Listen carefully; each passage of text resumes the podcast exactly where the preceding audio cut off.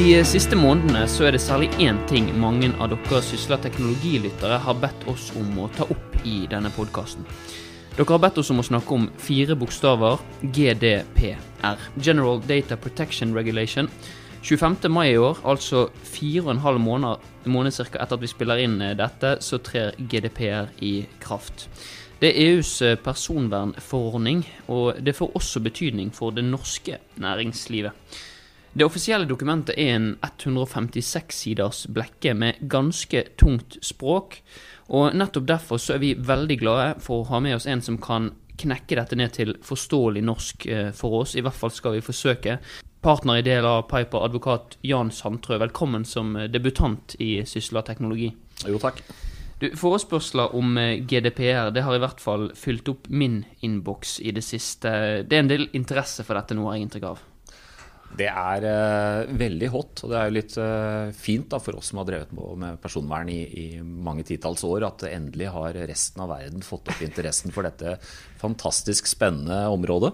Endelig er det noen som er interessert i det du jobber med? det det endelig har de oppdaget at dette her er kult. Men jeg, jeg tror nok at det er todelt. Det, det ene er at uh, mange bedrifter de må etterleve disse reglene. Det kommer jo trusler om bøter og, og det er jo også omdømmetap og veldig mye snakk om dette uh, som gjør at bedriftene er opptatt av det. Men jeg tror også at uh, det er mange som ser at personvern er viktig, og derfor er interessert i GDPR og personvernlovverket av egen uh, grunn også. At de ser at dette påvirker deres eget privatliv. Hvor mye av tiden din som advokat går med på å snakke om og, om og rundt GDPR akkurat nå? Uh, da får vi bare snakke profesjonelt, da. Eller privat, så orker de vel ikke å høre mer om det. Uh, men uh, i jobbsammenheng, i hele november og desember, så holdt jeg mellom tre og fem foredrag hver uke om det. Jeg skriver artikler om det, og vi diskuterer det hele tida. Så ja, det, veldig mye av hverdagen min går til dette. Men så, så er det jo IT-kontrakter og IT-leveranse kommer også på, på, siden av. Det stopper jo ikke, Resten av verden stopper jo ikke pga. GDPR. Mm. Jeg pleier å si at etter at olje er slutt, så skal vi leve av GDPR. Men jeg, jeg tror ikke det kommer til å stemme. Kanskje ikke. Føles sikkert litt sånn akkurat nå. Ja, akkurat nå er det greit. Før vi går til kjernen og spør deg hva dette er for noe, så må lytteren få lov å forstå hvorfor vi snakker med akkurat deg om dette. For du er jo det vi kan kalle en teknologiadvokat, er ikke det riktig? Jo, altså vi øh, Jeg omtaler meg som det, men øh, når jeg begynte for 20 år siden å jobbe med, med teknologirett og, og juss innenfor teknologi, så, så, hadde jo det sin bakgrunn i at jeg, jeg, var litt nerdete og likte teknologi. Og da, det var på 2000, det glade 2000-tallet hvor hvor det var eh, en boom. Eh, og det, det, var vel egentlig der jeg har blitt etter hvert også. Så, og så ser jeg jo at eh, med teknologien så følger mange juridiske problemstillinger som er ganske spennende. Og det er et område i stadig utvikling, så det er veldig spennende å holde på innenfor. Så blir det jo bare mer og mer spennende problemstillinger her også. så det er det er liv laga. Eh, og så vet jeg at du har tidligere vært juridisk direktør i Evry. Og akkurat nå så jobber du veldig mye med å rådgi selskaper som klør seg litt i hodet, er redde for å trå feil i dette nye regelverket. For det kan svi å trå feil når det gjelder GDPR, som vi skal komme litt tilbake til. Men aller først, ta det fra begynnelsen. Hva er GDPR, hvis jeg skulle utfordre deg på å forklare det litt kort? Vi fikk I 1995 så fikk vi eh, personverndirektivet, som eh, vi baserer vår, eller dagens personopplysningslov fra 2000 på. Eh, så har vi levd med det regelverket, men også med personopplysningsforskriften som et godt fundament i Norge.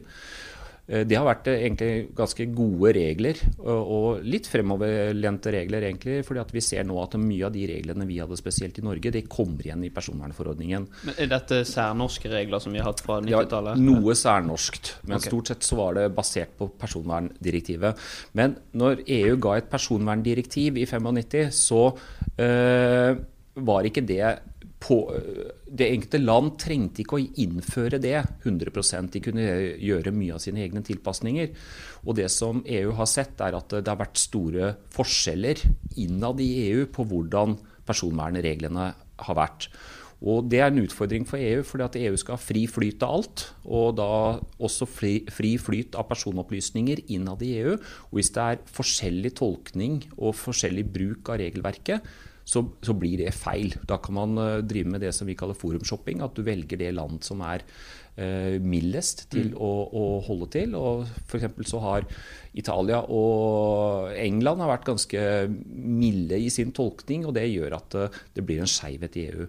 Så Derfor så valgte EU da å komme med en personvernforordning og en forordning er en, et regelverk som skal gjennomføres i alle land som det er, med veldig lite muligheter til lokale tilpasninger.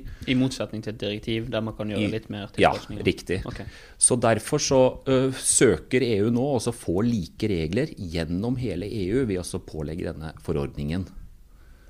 Så det har vært den store tanken fra, fra EUs side, at nå, nå, skal det bli likt. Så det som står i, i GDPR, det, det, har betydning, mildt sagt, på, på lik linje som, som, norsk regelverk for norske bedrifter? Det, det skal det. Og så får vi da Det er kommet forslag til en ny personopplysningslov som er veldig kortfattet. Det er 24 paragrafer bare, og den, den, er ikke så veldig interessant å lese, den loven. For den sier ikke stort, men i paragraf 1 så sier den at personvernforordningen, altså GDPR, det skal gjelde som norsk rett. Nettopp. Og Derfor så, så, kommer det inn da i Norge. Og den nye personopplysningsloven da, den vil tre i kraft fra 25. mai i år. Og dermed så, så trer da også GDPR i kraft i Norge. Nettopp. Så det, det, det trer ikke kraft på samme tid i alle land, nødvendigvis? Jo, det, det, er okay, målet, da. At det er 25. mai, uh, så det skal tre i kraft i, i alle land også. Ja.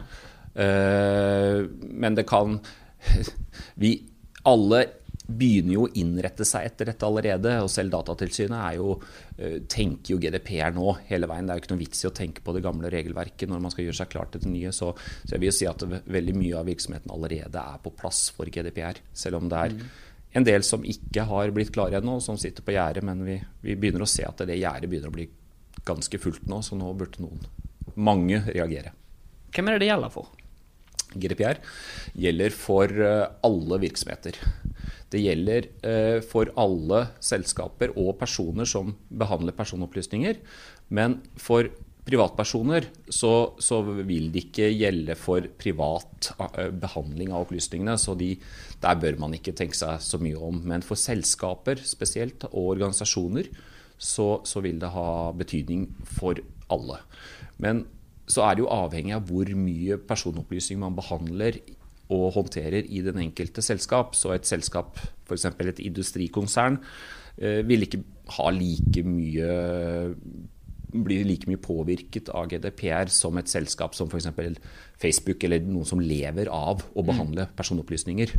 Men selv et industrikonsern vil ha mye personopplysninger innenfor HR, eh, eh, regnskap. De vil også ha kundelister, kundesystemer. Så alt dette er personopplysninger i alt. lovens forstand? Ja, og det, det er jo uh, bra du sier egentlig, for jeg ser at det, det, er mange som sliter litt med de grunnleggende begrepene her. Og når det gjelder personopplysninger, så er en personopplysning er enhver opplysning man kan knytte til en fysisk person, enten direkte eller indirekte. Og det vil jo være det meste. Det mm. er så veldig mye. Så man bør egentlig ikke tenke som grundig på er dette en personopplysning eller ikke, for stort sett vil det være det hvis det kan på et eller annet vis knyttes til en person. Ok, Så det gjelder så å si alle virksomheter da, som har en eller annen form for personopplysning. Og det vil vel i praktisk eh, sett være alle? Det vil være alle, og ja. alle må Hva er det som er nytt, da? Hva er, det de må gjøre med disse opplysningene som de ikke har gjort før, kanskje? Altså, det, det er ikke så veldig mye som er nytt. Vi, vi har vært litt heldige i Norge at vi har, uh, har hatt en personopplysningslov som, som, ligger veldig tett opp til det som er GDPR. Men det som uh, altså kan du si det at eh, de som har etterlevd dagens lov, de, de, har ikke så veldig mye å gjøre. Men det vi ser er utfordringen, er at det er mange selskap som ikke har vært på nivå med eh, den tidligere loven, eller loven som gjelder i dag. Da. Eh, og Det er vel det EU har sett også. Det er derfor de kommer med disse nye reglene. At de skal ta stramme litt til, sånn at de får selskapene til å etterleve loven. Det vi har sett, eller det som vi ser nå, som er mange som ikke etterlever, det er det at de har ikke rutiner og prosedyrer internt i selskapene på plass for å behandle personopplysninger på riktig måte. Og den eneste måten å bevise at man har rutiner og prosedyrer på plass, det er å ha dokumentasjon. Så det selskapet som ikke kan fremlegge gode rutiner eller tilstrekkelige rutiner på hvordan de behandler eh, personopplysninger i virksomheten hvis Datatilsynet kommer på besøk, de eh, er ikke innafor og har eksponert seg for pålegg eller bøter fra Datatilsynet. Så det betyr egentlig at man må ha eh, dokumentmapper der alt står. Og det er det, det, er det snakk om, rett og slett? Det, det er så enkelt. Ja. Det er rett og slett, Du, du må ha dokumentene på plass. Du, nå, nå, er det vel mer at de ligger på en eller annen intranettside eller lignende, men, men det, du skal ha rutinene skriftlig på plass. Sånn behandler vi personopplysninger her hos oss. Og det skal kunne fremlegges med en gang Datatilsynet kommer på besøk. Så Det er jo en enkel test som ethvert selskap kan gjøre for seg. Har dere rutinene på plass eller ikke? Og da skal de rutinene de skal være dekkende for at man behandler alle personopplysninger i tråd med GDPR. Mm. Hva handler det om? Handler det om at du skal sikre det fra, mot angrep fra utenforstående? Handler det om eh, Hva er det man skal gjøre med disse dataene? Eh, det, det, det er todelt, egentlig. Det du, du, snakker om der, det er informasjonssikkerhetskravene. Og alle virksomheter de har en plikt til å ha en tilstrekkelig informasjonssikkerhet, både med tekniske og organisatoriske forhold, som det står i forordningen. Tekniske forhold som skal være på plass, det kan være at informasjonssikkerheten er på plass. At det er kryptert, at det er eh, forhindra mot eh, hacking, eh, at man forhindrer mot at man mister data, urettmessig tilgang, at data slettes eller eh, endres uten at man ønsker det. Eh, nå har vi en veldig komplisert og digitalisert verden, så det at man blir utsatt for noe, sånn at man mister personopplysninger eller får sletta eller noe, det er nesten uunngåelig framover. Det kommer til å skje for mange virksomheter. Og det som er viktig da, det er at man har en rutine på plass. Hva skal man gjøre da hvis det skulle skje? Eksempelvis eh, så eh, hvis man Eh, en ansatt feilsender en e-post med et vedlegg hvor det ligger mye personopplysninger, så er det det vi kaller et datasikkerhetsbrudd, eller et brudd på GDPR. Og da skal det bruddet det skal varsles til Datatilsynet innen 72 timer fra man oppdager bruddet. Og i visse tilfeller så skal man også varsle de som blir berørt av bruddet, altså de, eh, de som eier personopplysningene, eller personopplysningene tilhører, i den e-posten. Og For å få til det, så må man ha rutiner på plass. Hvorfor trer dette i kraft? Hva er det som er hensynene bak eh, at EU vil innføre dette nå? Som, som nevnt så, så, er det nok uh, hensynet er nok at de, de, vil ha like regler i, i uh, hele Europa, sånn at de skal sikre fly, flyt av personopplysninger. Det blir jo ikke fri flyt, men det blir i hvert fall at man skal ha likt sikkerhetsnivå og lik eh, sikkerhet for de registrerte, som vi kaller de som personopplysningene gjelder, over hele Europa. Eh, I tillegg så tror jeg nok at EU eh, de har gått mange runder med USA og Facebook, og de ser at her er det her må man passe på og være litt frampå. Jeg, jeg er litt imponert over EU som, som de, de, er jo de eneste som tar opp kampen, egentlig. Uh, at de til, tør? At de tør, rett og slett, på en måte også. At, men de, de, de, bøyer ikke av. De tar virkelig opp kampen for å verne uh, personopplysningene til borgerne. og det har vi jo sett flere ganger nå. Så det blir veldig spennende å se hvordan f.eks. Facebook må forholde seg til til eh, GDPR og EUs regler. Det er et faktum at 70 eh, av omsetningen til Facebook eh, jo, er jo i Europa. Det er jo de med absolutt mest brukere og mest omsetning er i Europa for Facebook. Så det er klart at Facebook må forholde seg til det på, på et, en eller annen måte. Og EU har jo hatt mange kamper med, med USA på overføring av opplysninger. Vi det har jo vært flere ganger oppe i Europadomstolen at eh, det har blitt nekta å overføre personopplysninger til USA fordi at USA ikke har tilfredsstillende personvern for borgerne. Og for europeiske borgere da spesielt. Så dette er en kamp som EU ikke kommer til å gi seg, regner jeg med. Og når de da kan pålegge Facebook 4 av eh, brutto omsetning på et år, i en Det bot. litt. Det, det, kan, eh, det kan nok gi litt uh, penger til bra lunsj i Brussel etter hvert, tenker jeg. Er ikke det bare for Facebook å sette av eh, noen titalls mennesker til å sette seg ned og lage den dokumentasjonen som er nødvendig, og så er alt, uh, alt på stell, da? Det, det kan de absolutt, men, uh, og det gjør Facebook. De er ikke der helt ennå, men de arbeider nok med å få, få dokumentasjon og få alt på plass. Men det som ligger i GDPR er en del eh, begrensninger også for hvordan man kan drive forretningsvirksomhet med personopplysninger. Sånn som profilering og, eh, og rette markedsføring eh, via nye kanaler og, og bore ned i dataene og bruke personopplysningene til de enkelte.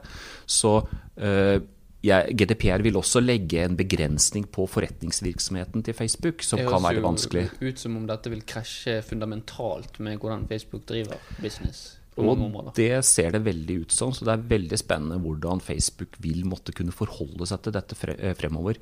Nå er det i eh, Det er litt diskusjon ennå, men i hvert fall så er det et forbud mot å drive profilering i GDPR.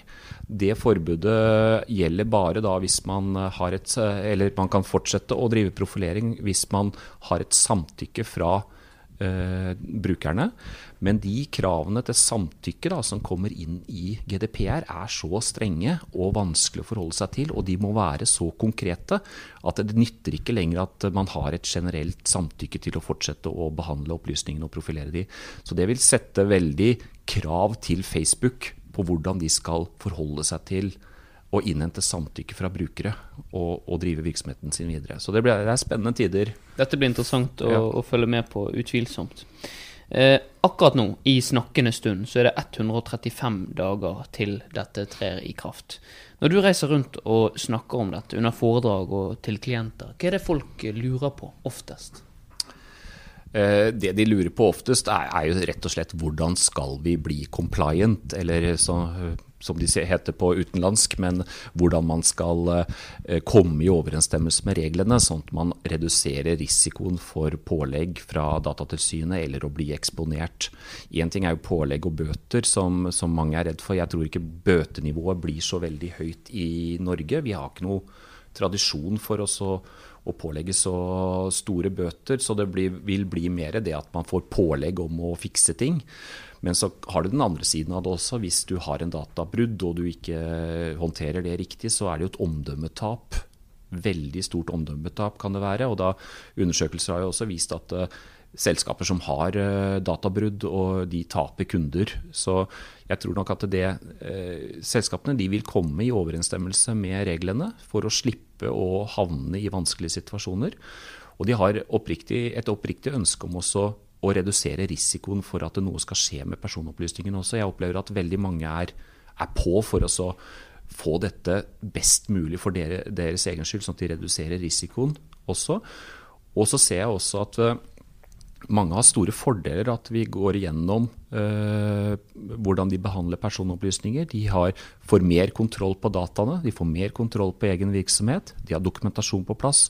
Jeg tror de sover bedre om natta når de får vite at de, de, her er ting på stell. Her kan det ikke skje noe spesielt uten at det i hvert fall er innafor noen av de rutinene de har laget. Men det er viktig at de, de må lage rutinene. De må få kontroll på de opplysningene de behandler. Men akkurat det arbeidet der, det er ikke så stort og så vanskelig. Det er ganske enkelt. Det er bare å komme seg i gang og så følge eh, en metodikk som, som, hjelper dem på det. Eh, men det må gjøres, og alle virksomheter må gjennom det. Du var jo litt inne på dette med bøtenivå. 4% av omsetning nevnte du som et eksempel eh, for Facebook. eh, Ikke sant? Ja, det er avhengig av hvilke, hvilke plikter man bryter i GDPR. Men det er enten 2% eller opptil 2% eller opptil 4% som kan være bøtenivået. Ja, Men du Mm. sier i Norge så eh, blir sannsynligvis ikke bøtene på det nivået. Ikke, ikke det er noe som står i GDPR, hvor, høy, hvor store bøtene skal bli? Nei, det, det står at det er opp til 2% og opp til 4% avhengig av hva man bryter. Så hva som blir bøtenivåene, det, det vil jo praksis fra Datatilsynet rundt i Europa vise. Og, og der skal det også være en harmonisering med at eh, bøtenivåene skal være stort sett like overalt. Men jeg vil tro at uh, i Norge så uh, vil nok være mer slik at de får pålegg om å få fiksa ting. Datatilsynet vårt er ganske pragmatisk. og Det er også noe som Datatilsynet har bekreftet. At uh, har du gjort en innsats med å få ting på plass, og har du, har du jobbet med rutinene, du har virkelig gjort det beste du kan for å få det på plass, men allikevel så skjer det noe, skjer et brudd, eller at Datatilsynet ikke er enig i hvordan du har håndtert det, så får du ikke en bot. Du får nok et uh, pålegg, eller at Datatilsynet sier at uh, vi, ser at uh, du har gjort mye, men her, dette her ville vi ha gjort på en annen måte. Ta og fiks det. Så, så, blir heller det løsningen stort sett i Norge. Men der jeg tror og, eller jeg vil mene at bøtene kommer, det er hvis du har et skikkelig databrudd, og det er mange som blir eksponert. Da vil bøtene sitte løst. Eller at du får et pålegg, et selskap får et pålegg om å gjøre noe som de ikke følger. Mm. Da vil det også bli bøter. Riktig. Det er mange som jeg har snakket med som fremstiller arbeidet med GDPR som eh, ganske tørt stoff, eh, for å si det mildt, og at det kan være utfordrende å jobbe med. Men du er ikke nødvendigvis helt enig i at dette trenger å være så fryktelig vanskelig, har du sagt til meg. Ja, nei, altså At det, det her er tørt, da, da har de feil rådgivere. Dette her er kjempekult. Uh, og dette er praktisk, og jeg uh, Det er ikke vanskelig. Man skal gjennom en, en prosess. Uh, når vi hjelper klienter med dette, vi kjører rundt 50 prosjekter i Norge i dag på GDPR for å få bedrifter klare til GDPR. Det øker med, med mange prosjekter i uka. Vi kjører rundt 1000 prosjekter i hele Europa hos Della Piper. Og bare man har det rette verktøyet, eh, rette metodikken til å gjøre dette, så skal dette bli en ganske gjennomførbar og, og overkommelig oppgave. Eh, det er å kartlegge hvilke opplysninger man har i virksomheten. Det er en, en, ganske grei jobb, og det er mange som ser at det, det har en nytte å gå gjennom virksomhetene til å få rydda litt i kriker og krukker. Og så er det en, en uh, vurdering av om den behandlingen er innafor eller utafor uh, eh, GDPR, og hva man må gjøre for å tilpasse seg. Så er det å utarbeide og få på plass dokumentasjonen og få implementert det i virksomheten. Det er egentlig en ganske grei å gjennomføre prosess som, som jeg opplever, i hvert fall når jeg er ute og, og jobber med, med, selskapene, at de finner er uh, både nyttig og, og absolutt gjennomførbart. Det er ikke like enkelt å avdekke brudd på GDPR som å se at noen går på rødt lys på høylys dag. Hvordan skal man følge opp dette og undersøke om bedriftene er i henhold til regelverket? Ja, den, Det er også veldig interessant det du sier der. For det vi har sett i den siste tiden, er at eh, det er så mange som begynner å bli klar over reglene nå, at eh, det virker som at Datatilsynet får en del tips om selskaper som kan bryte reglene. Så vi ser mye mer av det at det er tipsing. Og det, når Datatilsynet får et tips om noen som trolig bryter reglene, så må de agere. Så jeg, jeg tror at det kommer det til å bli mer av. at Uh, både reelle tips ved at de, man ser at dette selskapet her uh, sender ut e-poster uten at det foreligger samtykke. Men også har vi sett at det er eks-ansatte og konkurrenter bruker dette som et middel for å ramme andre selskaper. Eh, så det, det, det, er, jo en interessant trend, egentlig, men det viser jo en mer at man må være, ha uh, sine ting på plass. Det er rett og slett det at noen har brukt mye tid og penger på å, å komme, komme, seg i henhold, og hvis de ser noen andre, så, så tipser de gjerne Datatilsynet da? Det, jo, vi får jo håpe at de har kommet seg i orden før de tipser om, om Men det kan jo være også et sånn defensivt tiltak ved å tipse på andre for å avlede oppmerksomheten til Datatilsynet fra seg selv. Da. Men, men, men, vi har sett akkurat det at det, det brukes også som et middel, for det er veldig stor oppmerksomhet på dette rundt i samfunnet nå. At, og jeg tror mange begynner å bli så klar over reglene nå at de ser fort hvorvidt en behandling er lovlig. Hvis du, uh, sånn som, hvis du opplever at du mottar et nyhetsbrev fra et selskap, så, så er veldig mange på Men hallo, her har ikke jeg samtykka til å motta noe nyhetsbrev. Så vi har en annen oppmerksomhet rundt problemstillingen nå enn før. Mm. Tror du at GDPR kan bety noe for produktutvikling fremover? At bedrifter som kanskje er usikre på, på dette, og ikke har råd til å ringe folk som deg med spørsmålene sine, at de kanskje kan bli litt tilbakeholdne med å utvikle produktene sine og prøve nye ting i, i frykt for å trå feil? Nei, det tror jeg egentlig ikke. Eh, jeg jobber med mange selskaper som driver utvikling av programvare og digitale løsninger. Og mitt inntrykk er at eh, det bremser ikke ned utviklingen, men man begynner å tenke på disse forholdene ganske tidlig i utviklingsprosessen. At man passer på at ting er på plass, at sikkerheten er der. At det er innebygd personvern, som det heter i GDPR, Privacy by Design. Sånn at man tenker personvern hele eh, utviklingsløpet. For som kjent så er det jo veldig dyrt å introdusere ny funksjonalitet og, og endre noe mot slutten av et utviklingsløp. Så dette er, no, er, noe som må være med hele veien. Men jeg har, eh, hvis det er sånn at eh, dette legger noen demper på nyskaping og utvikling, så tror jeg det må heller være for ting som uh, er så inngripen i personvernet at det egentlig burde vært parkert. Så, så gjør man det riktig, så, så, er dette egentlig ganske greit. Og da tenker man også riktig. Og det er jo, selv om det er strenge regler, så er det ganske fornuftige regler. Vi, vi pleier å kjøre en sånn test uh, enkelte ganger når vi, det kommer nye løsninger, så tester vi klientene på at vi, vi, spør ja, hvordan ville du likt å bli utsatt for dette her. Og hvis de da sier ja, nei, det hadde kanskje ikke vært så kult, så er jo det ofte en indikasjon på at det, det er ikke helt greit heller. Så det er mye sunn fornuft i dette, men det er satt i et system og, som man må da forsøke å etterleve på en riktig måte. Men ikke Det er også uh, man må passe på, det er å ikke overtolke disse reglene. Jeg ser at veldig mange er der ute og sier at uh, Eller kommer med tolkninger med at nå kreves det samtykke for alt og, og sånne ting. Og det er helt feil. Det er veldig mye synsing der ute. Så det viktige er altså å få seg en rådgiver som vet hvor nivået ligger, sånn at man ikke overdriver heller kravene. For det kan, legge, det kan koste ressurser og penger. Og det kan legge store begrensninger på en virksomhet hvis man drar det for langt. Så GDPR det er ikke nødvendigvis noe å være så veldig redd for? Det er ikke noe å være redd for, det er noe man skal, skal gjennom. Uh, og man kan komme gjennom det med en gevinst. Jeg jobbet med flere klienter hvor de har uh, sett at det er systemer de kan legge ned eller endre, og spart millioner av kroner på det også. Så absolutt, det er som å, å rydde litt på, på, loftet noen ganger. Og så, så finner man noe man trengte, og så får man kasta litt så det blir litt bedre. Men stort sett så øh, vil jeg mene at de fleste kommer ut av en sånn GDPR-gjennomgang med eh, bedre stilt enn det de var før. For de som eh, kjenner svetten piple litt på ryggen nå, og ikke helt ser hvordan dette skal gå frem mot mai, hva er ditt beste råd frem mot deadline? Ja, beste rådet er vel altså bare få starta nå. Fordi at uh, det er uh, det er noe man skal igjennom. Eh, det tar litt tid. Det tar ikke så mye tid sånn i effektivt arbeid, men det tar litt tid å få ting på plass. og Dette kommer jo på toppen av alt annet, på, av all annen virksomhet man driver med. Så kom igjen, ta oss og begynn å kartlegge hva man har av personopplysninger. Begynn å se på hva man har av dokumentasjon. Se etter om det er noe man må endre og justere for å være innafor reglene få utarbeida den dokumentasjonen man mangler, og få implementert dette inn i virksomheten, sånn at alle vet hvordan de håndterer personopplysninger, behandler det, sånn at de holder seg innafor reglene.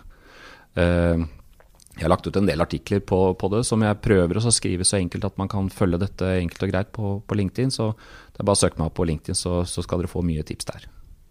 Bare kom i gang med arbeidet, høres ut som. Jan Sandtrø, partner i DLA Piper, tusen takk for at du var med oss i Sysla teknologi. Veldig hyggelig. Mitt navn er Chris Ronald Hermansen, og det var jeg som intervjuet Jan Sandtrø i denne podkasten her i Sysla teknologi. Hvis du likte det du hørte, så blir vi veldig glade hvis du anbefaler Syslas podkaster til noen du tror kanskje kan gjøre det samme. Og så er vi alltid glad for anbefalinger i iTunes. Det hjelper oss å bli mer synlig. Ikke glem å sjekke ut den siste informasjonen vi har lagt ut om vårt neste Sysla Live-arrangement. Det blir 21.2 i Stavanger. Tittelen er 'Fra plattform til plattform', og vi har fått med oss mange spennende gjester som vi skal intervjue om fremtidens olje- og gassnæring. På en fortsatt fin dag.